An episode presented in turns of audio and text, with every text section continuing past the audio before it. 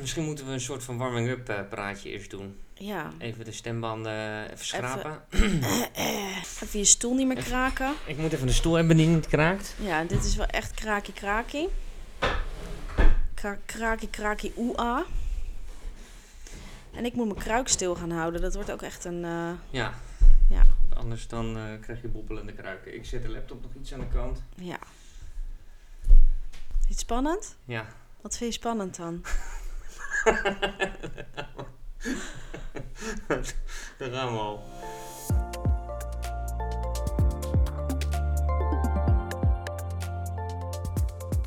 Hoi, welkom. Wat leuk dat je naar ons luistert. Wij zijn Odilia en John en samen met onze kinderen Ilja en Eli gaan we op reis. We gaan ons huis verkopen en zijn van plan die in te ruilen voor een camper. De vaste banen zijn opgezegd en we zijn druk bezig om ons online bedrijf op te zetten. Tijdens onze reis gaan we op zoek naar een plek om te wonen. We willen een rustig en simpel leven in de natuur. De meeste onderwerpen laten we gaandeweg ontstaan. We zullen over onszelf vertellen en wat we meemaken. Onderweg gaan we ook met mensen in gesprek die ons een stukje verder hebben geholpen of ons inspireren. Laten we beginnen.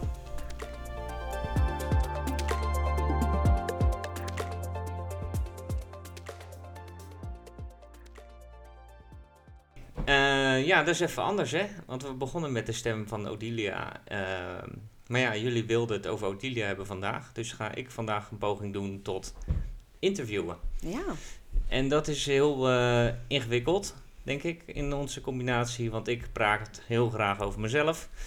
En eh, Odilia praat heel graag over anderen. Dus, eh, nee, nou ik weet het niet. Ik, ik stel graag vragen aan anderen. Dat oh, is het dat meer. het? Oh, is dat het?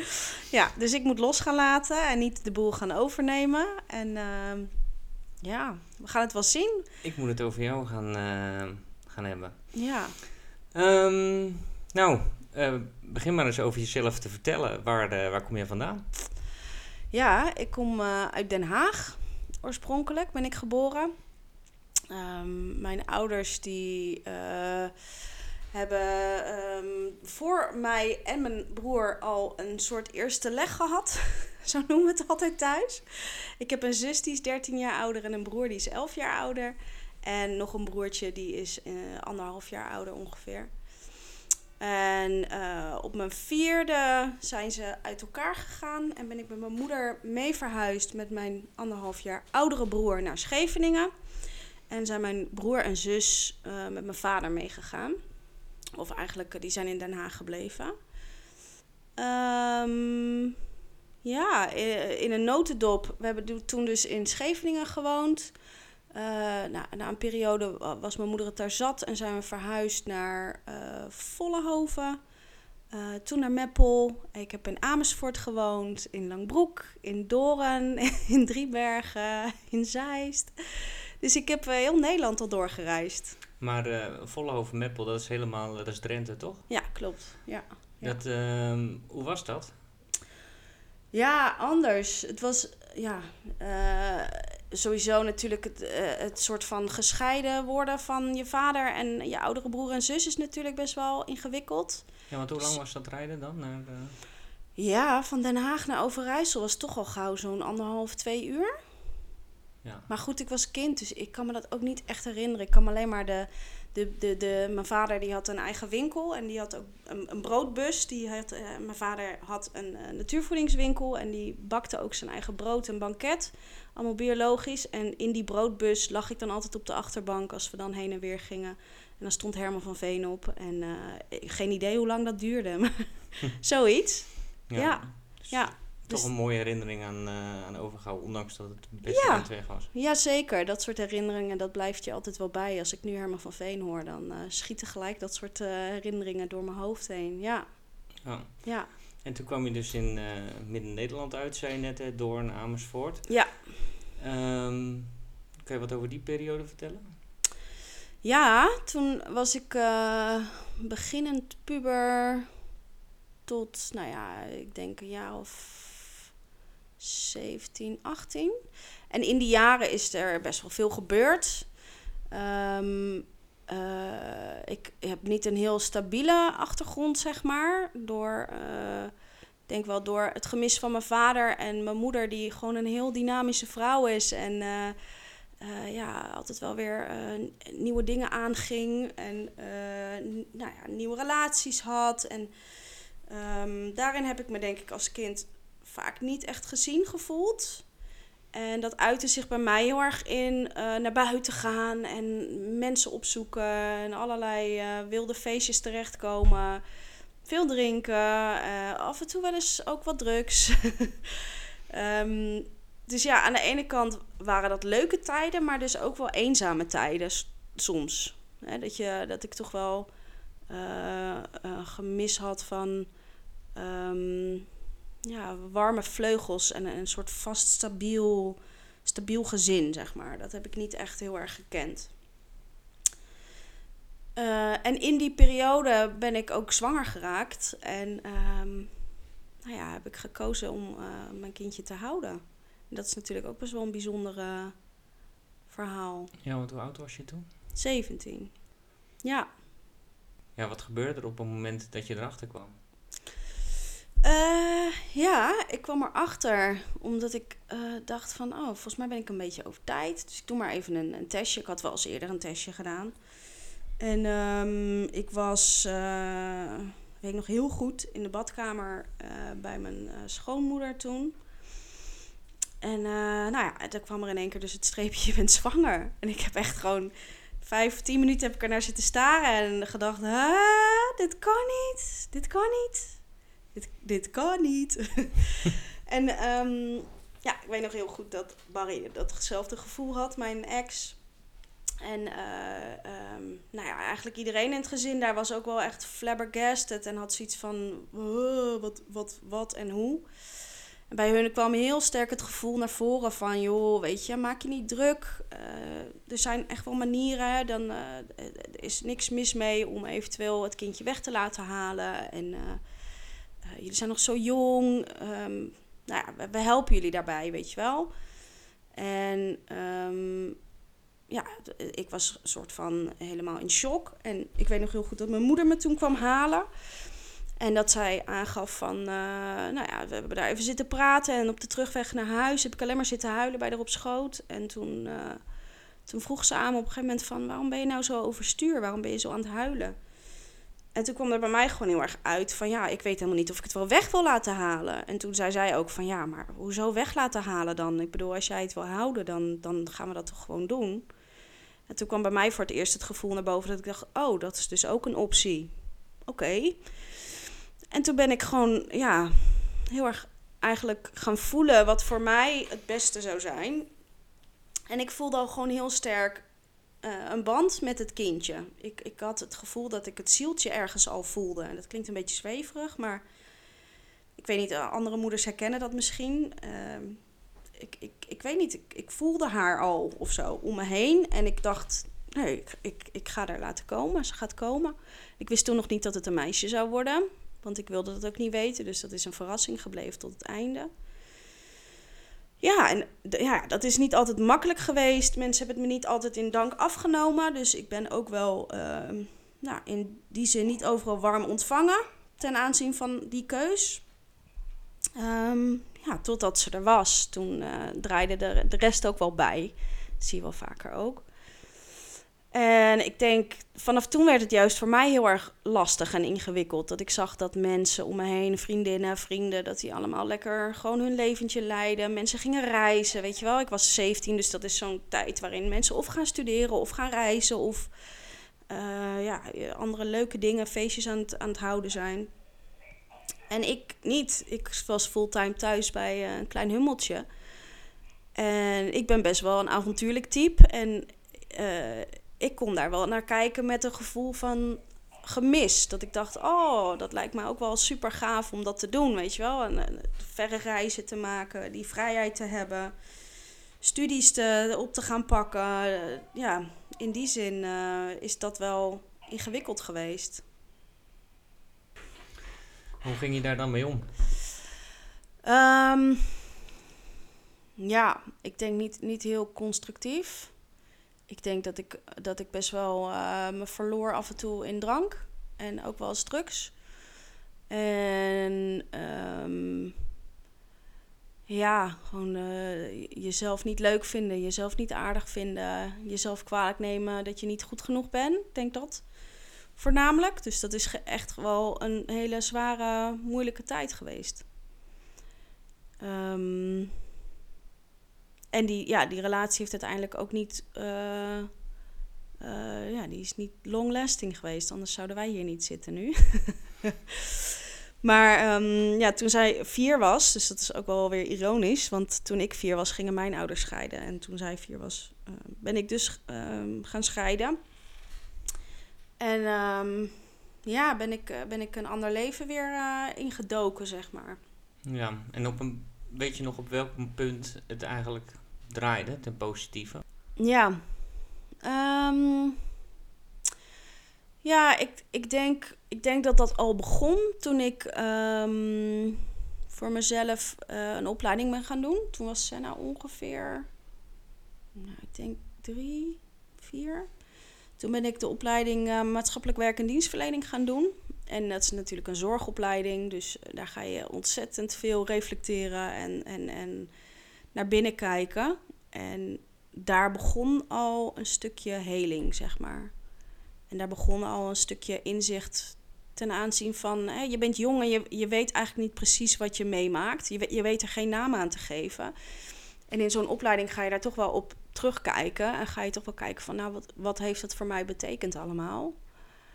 En um, nou ja, daar ben ik wel voor mezelf gaan ontdekken dat, um, nou, dat ik er mag zijn en dat ik in mijn kracht mag gaan staan. En um, was, er nog, was er toen nog lang niet. Ik denk dat, dat het allemaal kleine onderdelen zijn geweest die bij hebben gedragen. Stapjes die je zelf uiteindelijk, die ik heb gezet, die hebben bijgedragen aan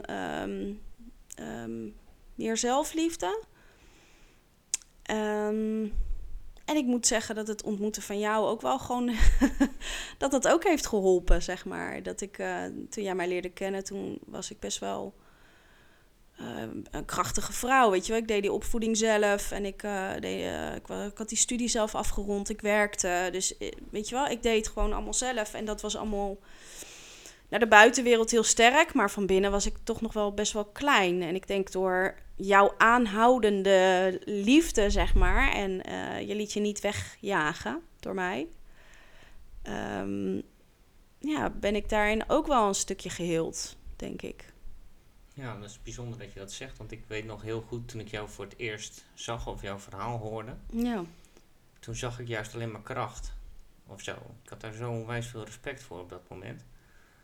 Dat nou, als je dan nu vertelt dat je jezelf eigenlijk klein voelde en grote gedroeg of zo, dat ik dat. Uh, ja, vandaar kwam die vraag net in me op. Ja. Van waarom, uh, waar, ja, waar is dat eigenlijk veranderd? Ja. Maar, nou ja, dan zeg jij dus, je was eigenlijk geboren voor het avontuur, ja. voor het leven in de. Uh, in de jungle. In de jungle. En dan denk je van, ik ga nog een keer settelen. En ik begin ook aan de tweede weg. wat leuk hè? Ja, dus dat is eigenlijk ook wel weer de same. Ja, um, nou ja, uh, dan ga ik heel eerlijk zijn. Jij, uh, jij bent wel iemand die vanaf jongs af aan een mega grote kinderwensen hebt. Jij bent wel echt geboren vader, zeg maar. Als je jou vroeger zou vragen, wat wil je later worden? Dan was het papa. En dat wist ik natuurlijk. Uh, en dat gaf mij ook wel de veiligheid en de zekerheid dat ik het dit keer niet alleen hoefde te doen. En dat heeft er wel voor gezorgd dat ik uh, er toen over na ben gaan denken. En ergens leek het me ook gewoon heel erg mooi om op die manier nog te helen. Weet je wel, ik heb natuurlijk niet met mijn dochter een hele makkelijke weg gehad. En um, nou zeg ik niet dat de weg die we nu kiezen, dat dat altijd makkelijk is. Maar zoals wat ik gehoopt had, is dat ook uitgekomen. Ik, ik heb wel echt veel meer rust nu in het moederschap. En uh, ik kan ontzettend genieten van het stilstaan daarin. En um, het vertragen. En um, waar ik vroeger gewoon niet het geduld had. En niet het geduld kon opbrengen om uh, bijvoorbeeld gewoon even rustig uh, bij een speelplekje te zitten en te kijken en mee te doen. Nou kan ik nu gewoon hele dagen soort van spelen of zo. Dus ik denk die combinatie van het dat ik wist van jij was er en jij, hè, bijvoorbeeld de afspraak dat jij er s ochtends uitgaat, die was voor mij heel belangrijk. Ik had geen zin, weet je wel, je hebt zo'n hele cyclus al helemaal doorlopen met naar school brengen en op dat schoolplein staan. En ik dacht, nou, daar heb ik niet meer zoveel zin in, dus dat mag jij dan doen. nou ja, en dat uh, met dat soort afspraken is het uiteindelijk, uh, dacht ik van ja, laten we dat gaan doen. Ja. En dat was heel bijzonder. Vond ik, uh, vond ik heel mooi om mee te maken. Ook weer de zwangerschappen. Ondanks dat ik uh, best wel last heb gehad voor mijn hormonen, kon ik ook ontzettend genieten van het kleine leventje wat dan in mijn lijf zat. En nou ja, de laatste bevalling was prachtig, weet je wel. Hier met kerst in bad. Uh, dat, ja, hele mooie, prachtige levenservaringen die ik echt nooit gemist zou willen hebben. Dus ik ben daar heel erg blij mee en dankbaar voor. Ja. ja misschien moeten we ook, uh, misschien moet je ook wat vertellen over je kinderen en dan beginnen met de oudste. Ja, dat is goed. Ja. Ja, Senna is, was als kleinkind uh, super, super lief en vrolijk en goed, goed gelach en, en, en ja, mega, mega, uh, ja, gewoon echt een makkelijk kind. Dat je echt dacht van, waar is Senna eigenlijk, weet je wel?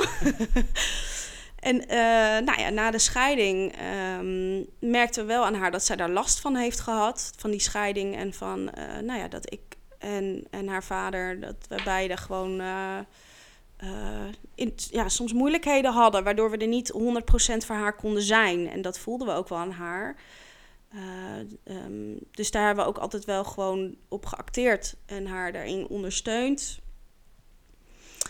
Uh, nou ja, en zij is opgegroeid nu tot een, uh, een jonge, jonge vrouw. En dat is wel heel bijzonder om te zien.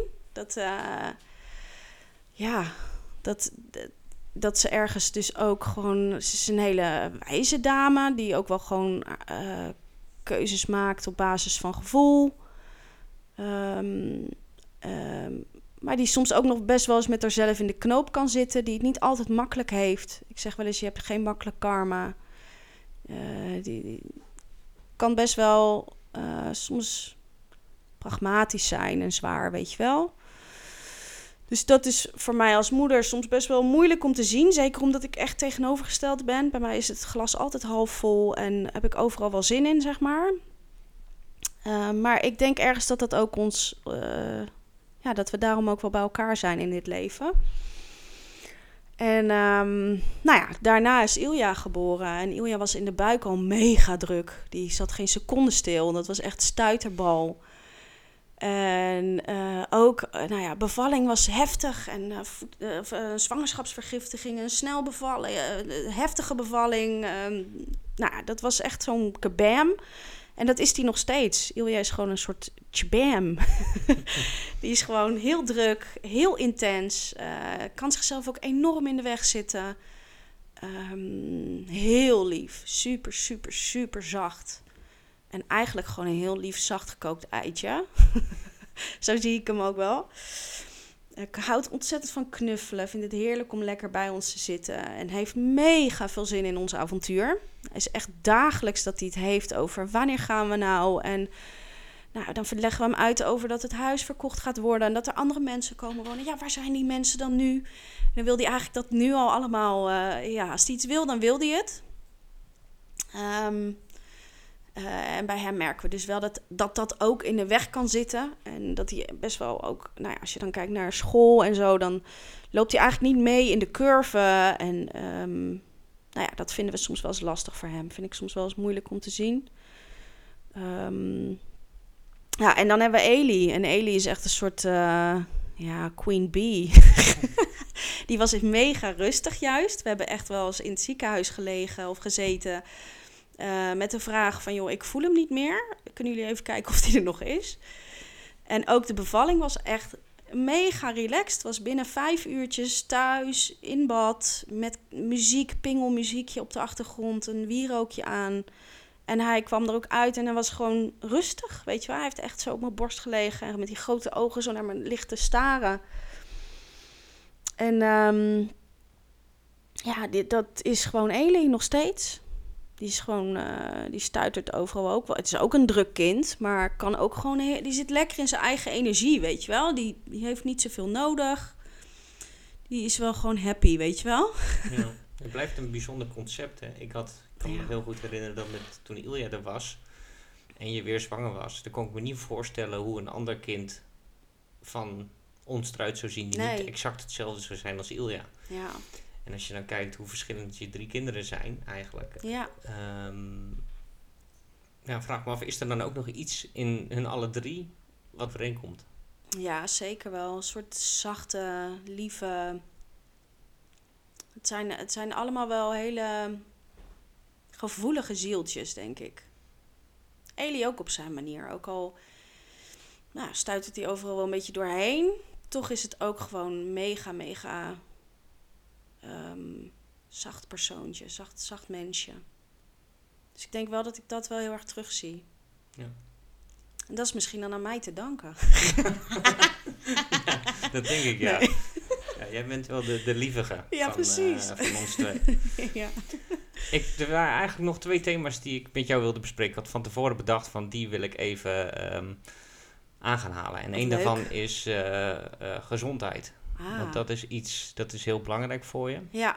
En uh, nou, ik ben heel erg benieuwd, waar ligt daar de oorsprong van? Ja, de oorsprong is daarin zeker wel mijn ouders. Mijn moeder was uh, uh, klassiek homeopaat. Ehm, en mijn vader heeft dus een natuurvoedingswinkel gehad. Dus het is mij wel met de paplepel ingegoten om een soort van daarin een andere opvoeding te krijgen. Weet je wel? Het is, waar andere kinderen een paracetamolzetpil in hun kont kregen, kreeg ik uh, citroenwikkels om mijn voeten om de koorts eruit te trekken, weet je wel. En nou ja, als ik ergens last van had, dan zat mijn moeder al, oh, dat is pulsatilla, weet je wel. Dan zat ze al allerlei middeltjes was ze aan het opnoemen. Er is iemand die zo goed je moeder kan nadenken als jij. ja ja, ik zie het ook gelijk voor me. En uh, ik heb op de vrije school gezeten. Dus daar leef je heel erg met de seizoenen. Daar ga je heel erg mee met, met de aarde, met de zon, met sterren, de maan. Weet je wel, dat, dat zijn gewoon allemaal thema's die zitten in mijn kern of zo. En ik ben dan ook natuurlijk in de zorg gaan werken. Ik ben ook wel echt een, uh, uh, ja, ik vind het altijd een vreselijk woord, maar een mensenmens. Ik hou van mensen. Ik vind het interessante mensen, mensen met een verhaal, mensen ja, eh, of juist zonder verhaal waarin je denkt, wat is daar dan gebeurd? Of, of weet je wel, ik, ik, ik vind het mega, mega boeiend. En, en um, dus het is niet gek dat ik ook de zorg in ben gegaan. Ik ben dus de reguliere zorg ingerold. Eerst de gehandicaptenzorg. Uh, daar heb ik vier jaar in gewerkt. En daarna ben ik dus uh, beland in de GGZ. als persoonlijk begeleider bij mensen die ambulant wonen. En uh, ik heb dat werk ook echt met heel veel liefde gedaan. En, en uh, uiteindelijk de HBO die ik heb gedaan is dan maatschappelijk werk uh, en dienstverlening. En dan het uitstroomprofiel GGZ-agoog. Nou, en dat past ook mega bij mij, omdat je vanuit de GGZ-agoog kijk je echt puur naar de mens in zijn geheel. en ga je iemand benaderen vanuit zijn kracht, vanuit zijn mogelijkheden. en ga je iemand echt empoweren, zeg maar. Zorg je dat het gewoon empowered wordt. Wat heeft er dan voor gezorgd dat je niet meer in die... Uh, ja, dat je er toch voor gekozen hebt om die reis te gaan maken nu? Want ik denk, het is nog niet droog op je... Ik moet hem nog ophalen. je moet hem nog ophalen zelfs. ja. En je zegt van, nou, diploma gehaald, ik ga nu in een camper rondtrekken. Ja, ja, dan, dat is denk ik zoveel ledig. Maar ehm, waarom ik de zorg uit ben gegaan, is omdat ik uh, ervan overtuigd ben dat reguliere zorg prachtige punten heeft en hele, hele effectieve methodes. En daar is heel veel te halen. Maar ik geloof ook dat de alternatieve geneeswijze zo ontzettend veel kan brengen. En dan heb ik het echt over body, mind, soul, het hele holistische uh, idee. Um, dus ik wil dat, ik, ik ga dat combineren. Weet je wel, ik wil niet uh, één van de twee. Ik, ik wil beide. Dus uh, ik, ik ga mijn eigen praktijk opzetten om, uh, om dat te gaan neerzetten. En om mensen vanuit het geheel te gaan begeleiden daarin. En ja, die reis, ja, dat, eh, dat is gewoon mijn droom. Ik wil gewoon heel graag lekker op avontuur. Ik zou het liefst zou ik gewoon eh, het vliegtuig pakken en de hele wereld overgaan. Dus ja. Kan ook nog, hè? Ja, daar zou, ik, daar zou ik niet al te lang over nadenken. Dat zou ik zo doen. En vroeger dacht ik altijd, oh nee, maar dat is alleen voor bepaalde mensen weggelegd of zo. Weet je wel, mensen die veel geld hebben of ehm, mensen die uh, bijvoorbeeld, uh, als je een lerares bent, dan, dan, kan dat. Want dan kan je je kinderen onderweg kan je dan uh, lesgeven of mensen die familie hebben al ergens in het buitenland of weet ik veel. Ik had allerlei dingen in mijn hoofd waarvan ik dacht, dan pas kan dat. Maar dat is natuurlijk gewoon onzin, weet je wel. Iedereen kan dit. We hebben echt een heel tof gezin ontmoet afgelopen zomer. Die met niks zijn vertrokken. Echt gewoon letterlijk, ja, ze hadden wat spullen en uh, dat was het. En die zitten nu ook gewoon uh, op een prachtige berg in Spanje, weet je wel. Dus ja, iedereen kan dit. Iedereen ja. zou dit kunnen. Dus dat... Uh, dat voel ik nu heel sterk. Dus nu is die tijd.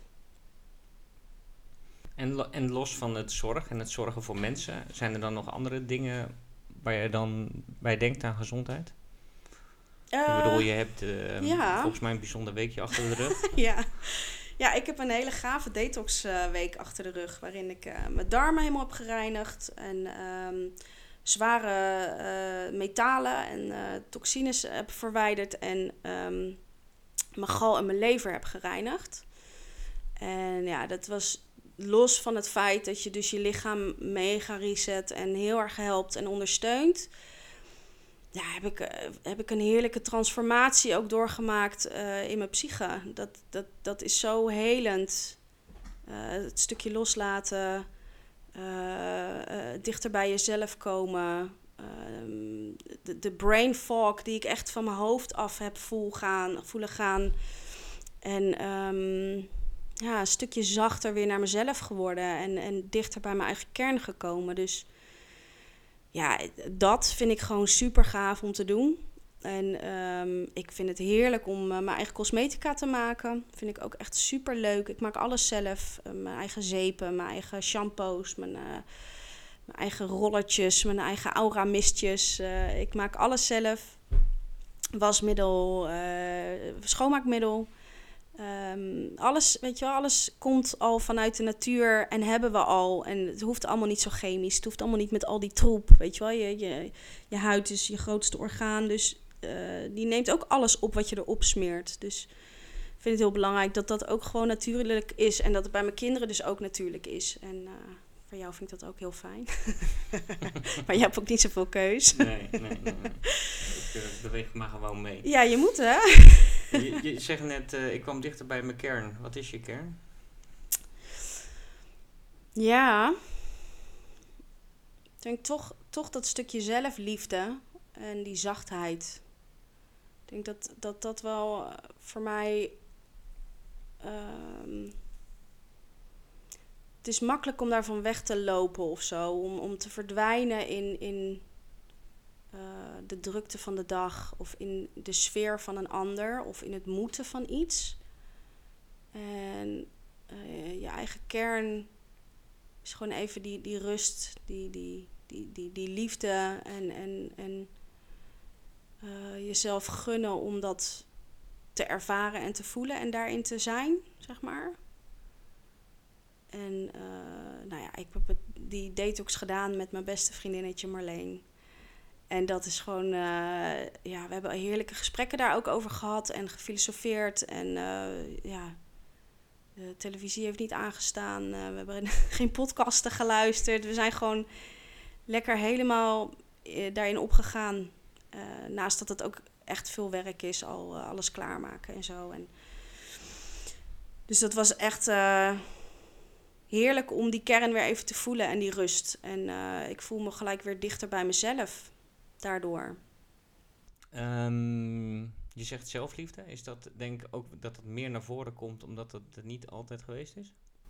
Ja, ja zeker. Dat is, uh, er is een heel groot gedeelte van mij echt. Uh, de, mijn innerlijk kind heeft heel veel destructieve ideeën over zichzelf. Ik heb.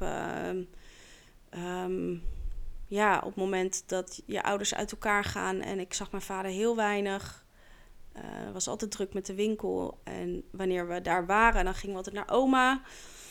Dus ik heb mijn vader gewoon heel erg gemist. Een vaderfiguur heb ik gewoon echt enorm gemist. En ehm, dat zegt ook wat over jou, zeg maar, weet je wel. En ik, ik weet nog dat aan de andere kant bij mijn moeder was het gewoon niet altijd makkelijk thuis. Zij heeft niet altijd de makkelijkste route gekozen. En eh, in die zin dus ook niet altijd de makkelijkste partners uitgekozen. Waar wij echt ook wel heel erg mee overhoop hebben gelegen. En waarin ik me ook niet veilig heb gevoeld thuis. En ik weet nog heel goed dat ik bijvoorbeeld aan mijn vader vroeg van... joh pap, ik heb het echt gewoon nodig om bij jou te komen wonen. Uh, kan dat? En in eerste instantie zei hij ja... En toen bleek, uh, bleek uh, dat zijn vrouw, zijn nieuwe vrouw, zwanger was. En toen kon ik in één keer daar niet meer terecht. Dus ja, al die factoren, dat doet wat met je eigenwaarde. Dat doet wat met het gevoel van ik mag er zijn. Dat, uh, ja, dat, dat zorgt ervoor dat je niet het gevoel hebt dat je veilig bent, zeg maar. Dus, Hoe oud was je toen? Um, toen, die dat, toen die me afwees, zeg maar. Ja. Um, toen was ik volgens mij 14 of zo. Dat was vlak voordat ik uh, vader van Senna ontmoette. Dus ergens denk ik, het had ook zo moeten zijn, weet je wel. Dingen lopen ook in het leven zoals ze moeten lopen. Maar dat, dat, dat, dat, ja, dat brengt wel een soort van uh, pijnpunt. Dat heeft me wel echt altijd heel veel. En dat, die, stemmetjes die zitten nog steeds af en toe op mijn schouder. Van je bent niet goed genoeg. Wat ga jij nou eigenlijk doen? Weet je wel? Of ja, wat, je denkt het allemaal te weten, maar wat weet je nou eigenlijk? Een ander kan het misschien wel veel beter. Of, uh, dus ja, de, die stemmetjes heb ik wel weer wat meer mogen loslaten nu. En uh, die, ja, die zijn natuurlijk gelinkt aan, aan het stukje zelfliefde. Dat thema is gewoon mega groot. Dat is voor, denk ik, elk mens een, een, een kern, weet je wel. Alle, alle stukken onzekerheid, of de meeste stukken onzekerheid, komen voort uit: mag ik er zijn? Word ik gezien? Dus ja. ja. Ja, ja, het is voor mij ook.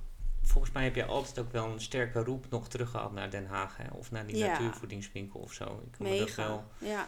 herinneren als iets onafgemaakt. Ja, dat klopt. Ja. Is dat nu voor je gevoel wel afgemaakt? Of is dat. Nou ja, mijn vader is uh, in 2018 heel erg ziek geworden. En uh, die heeft een, uh, een zonnesteek gehad. Hij, ja, ondanks dat hij een natuurvoedingswinkel had, was het echt een man van het goede leven. Hij ging altijd gewoon lekker naar trakteurs en uit eten. En hij hield van een biertje en van een sigaretje en van gezelligheid. Lekker naar het jazzfestival. Dus het was een man die gewoon al niet heel gezond was. Hij had suikerziekte en hij had, uh, er was al zelfs één voetbeen, zeg maar, tot aan zijn knie was afgezet. En hij heeft toen, in, toen het zo warm was in 2018, toen heeft hij dus gewoon geen water gedronken of amper. En toen heeft hij een zonnesteek gehad. En toen is hij ja, gevallen en heeft hij vastgezeten en is hij eigenlijk al overleden op dat moment. We waren toen op vakantie en wij zijn op dat moment ook direct teruggekomen. En toen heeft hij nog twee, drie maanden heeft hij op de IC gelegen. En um, nou ja, hij was eigenlijk al weg. Hij was er niet meer. En um, ja, op dat moment heb ik wel een heel bijzonder moment met hem beleefd. Dat hij. Uh, ja, dat ik het gevoel had. Uh, ik was tegen hem aan het praten en. Uh, volgens mij zei ik iets in de trant van ik hou van je of zo. Ik, ik weet het niet meer precies. Maar dat ik zijn ogen echt weer even aan zag gaan. En dat hij een traan kreeg. En dat ik, ik voelde dat hij er was. Ik voelde hem even weer. En dat is denk ik het afscheid geweest. Dat voor mij ja, passend, passend is. zo voelt het voor mij, weet je wel. Het is. In dat moment wisselden we zonder iets te zeggen een soort van uit van. Het is oké, weet je wel. Het is oké. We houden van elkaar. En, en wat er dan ook allemaal is geweest. Dat heeft zo moeten zijn. En um, het is goed, weet je wel. Dus ja, in die zin denk ik dat het voor mij goed is. En uh, ik moet zeggen, ik, ik mis hem ook niet mega veel, omdat ik voel dat ik hem nog ga zien of dat ik hem om me heen heb of dat hij bij me is of zo, weet je wel. Dat, ik heb ook niks met een, uh, nou hij is ook niet eens begraven, hij is gecremeerd, maar ik heb niks met spullen of met uh, een plek om dan terug te gaan. Gewoon de gedachte aan hem en aan dat moment is voor mij gewoon heel erg bijzonder. En dat is voor mij uh, ja, een punt waar ik gewoon, waarin ik vrede heb. Ik mis nog wel gewoon weet je wel, ik fantaseer wel eens over hoe, hoe had het kunnen zijn. Weet je wel, hoe was het geweest als? Of ehm, nou ja, die winkel. Als ik zodra ik een natuurvoedingswinkel inloop, dan ben ik thuis. Dan vind ik zo lekker, al die geuren. Dus ja, ik denk wel dat het is opgelost, maar ergens blijft het een gemis of zo. Een gemis van wat had kunnen zijn. Dat denk ik vooral. Ja, mooi. Ja. Toch mooi dat het ondanks uh, nou ja, zo'n verdrietig einde wel uh, nou ja, toch een plekje heeft gekregen voor je uiteindelijk. Ja. Ja, dat was ook uh, maf. Het was gewoon zo bizar, want ik was toen ook zwanger van Eli. Ja. Het was echt zo... ja, ik weet niet. Het was hij heeft, ja, hij heeft Eli dus ook nooit gezien. Dat vind ik wel een raar idee. Dat hij gewoon een van mijn kinderen gewoon nooit heeft gezien. De rest zag hij ook niet vaak. Ja, ja Ilja nog wel. Ja. Dus, uh, heeft hij nog wel gezien. Heeft hij wel gezien, ja. Ja. Ja, dus dat was... Um... Maar wel een, uh, wel een uh, leventje met een ruig randje, denk ik. Ik denk het wel, ja. Het was een notendop, dit. dit dus ja, ja ik, ik denk wel dat ik... Uh, ik heb geen makkelijk leven gekozen, nee. nee. dat denk ik niet, nee. Maar goed, aan de andere kant, ik had ook nooit anders gewild. Want anders was ik niet geweest wie ik nu ben. En uh, ik ben heel blij met wie ik ben. Ik ben heel content met wie ik ben. En ik, ik zit goed in mijn vel. Dus ik... Uh, weet je wel, ik heb mega veel zin in, in alles wat er nu komen, ons komen staat. Of hoe zeg je dat? En alles wat we gaan doen vind het heel leuk dat we met die kinderen gewoon veel meer tijd gaan, uh, gaan maken. Of nemen, weet je wel. Uh, dat, uh, daarmee aan de slag te gaan. En nou, straks het huisje gewoon een mooie eigenaar heeft. Weer leuk, leuk nieuw gezin of we hebben een jong stel. Weet je wel, dan kan ik dat ook mooi afsluiten. Want we hebben hier zo genoten altijd van dit plekje. En dat gunnen we ook echt een ander, weet je wel. Dat, dat lijkt me zo gaaf. En dan gewoon lekker onze spulletjes pakken en gaan. ja, ik, uh, ik kan niet wachten. Nee, nee. En hoe ziet, uh, nou ja, dit klinkt als het einde van een heel slecht sollicitatiegesprek. Oh. maar hoe ziet het leven van jou eruit over uh, vijf jaar? Oh jeetje, ja, ik heb echt geen idee. Nee. Ik dacht, je gaat me nu tien, tien positieve en twee negatieve punten vragen. Dat deed ik altijd in sollicitatiegesprekken. Maar... Oh, nee, dit is toch zo'n echt een van de meest slecht, slechtste vragen ooit. Ja, is dat zo? Oh, geweldig. Ja. Weet je dat ik hem altijd stelde? Ja, dat weet ik niet. Want normaal bij een sollicitatiegesprek zeg je dan blijkt er iets van ambitie of zo. Oh ja, ja, ambitie. Ja. Nou, ik hoop wel dat ik lekker mag gaan boeren en boerinnen. Daar heb ik wel echt, daar heb ik ook heel veel zin in. Dat, uh, ik, ik kijk heel erg uit naar dat stuk land wat gaat komen. Ja, nou visualiseer het eens voor ja, je. Hoe ziet zo'n ideale dag eruit? Ja, ik begin bij het land. Als je aankomt is het gewoon groen om je heen. Er is water. Uh, er, zijn, er, zijn, er zijn heel veel soorten planten. De biodiversiteit is gewoon helemaal top. Of nog niet, maar dan gaan we dat regelen. Uh, moestuin, permacultuur. Uh, ik vergeet altijd hoe ze dat noemen, maar met die bedden die je dan, dat je dan een boom ingraaft en dan daar overheen allemaal soil ja, legt. Dat zijn en... van die verhoogde bedden. Ja. ja. Met allemaal lekkere biologische zaadjes erin, die mooie planten kunnen gaan worden, waar we lekker van kunnen gaan eten, waar we de zaadjes weer van gaan bewaren om voor de volgende gang, zeg maar, met, met fruit en appeltjes en, en, en, en nou weet ik nog trouwens niet of de appeltjes groeien daar. Um, weet ik ook niet. We zien het wel, weet je wel? Gewoon lavendel mooie... wel, dan kan je lavendel, olie van maken. Ja, ja, mooie velden met lavendel en goudsbloem en scharlei. En ik, ik zie dat helemaal voor me. En dan inderdaad lekker mijn eigen cosmetica maken.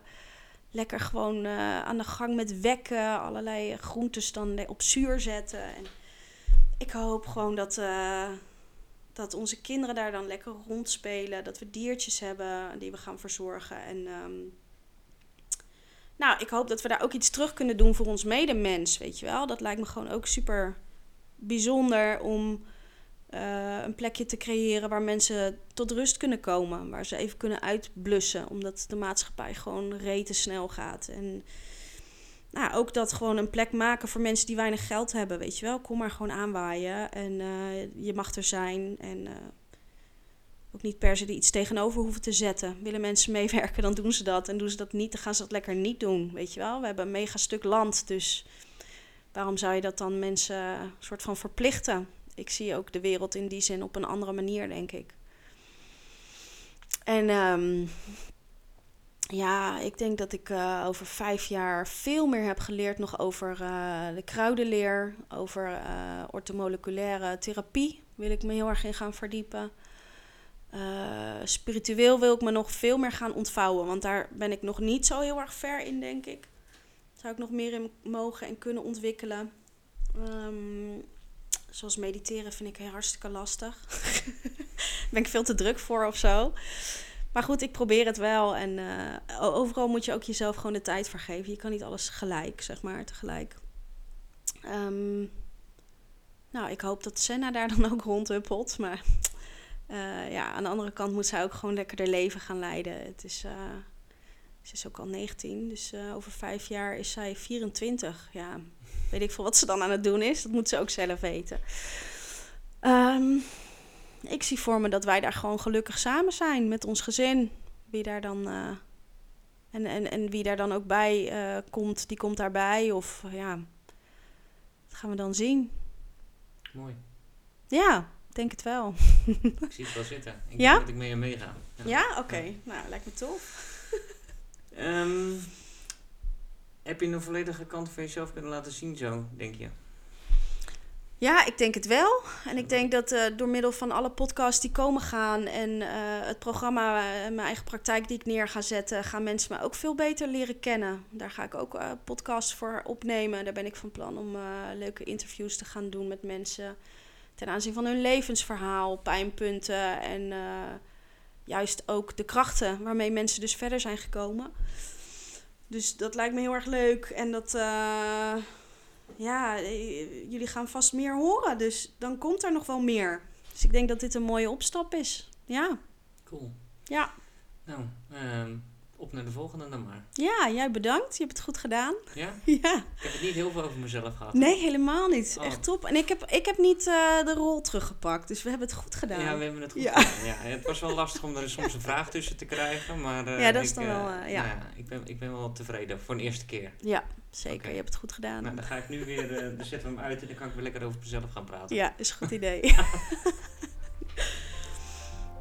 Leuk dat je hebt geluisterd naar onze podcast. Laat je ons weten wat je ervan vond. Je kan ons volgen op Instagram at WeMoveToGrow. Tot de volgende keer!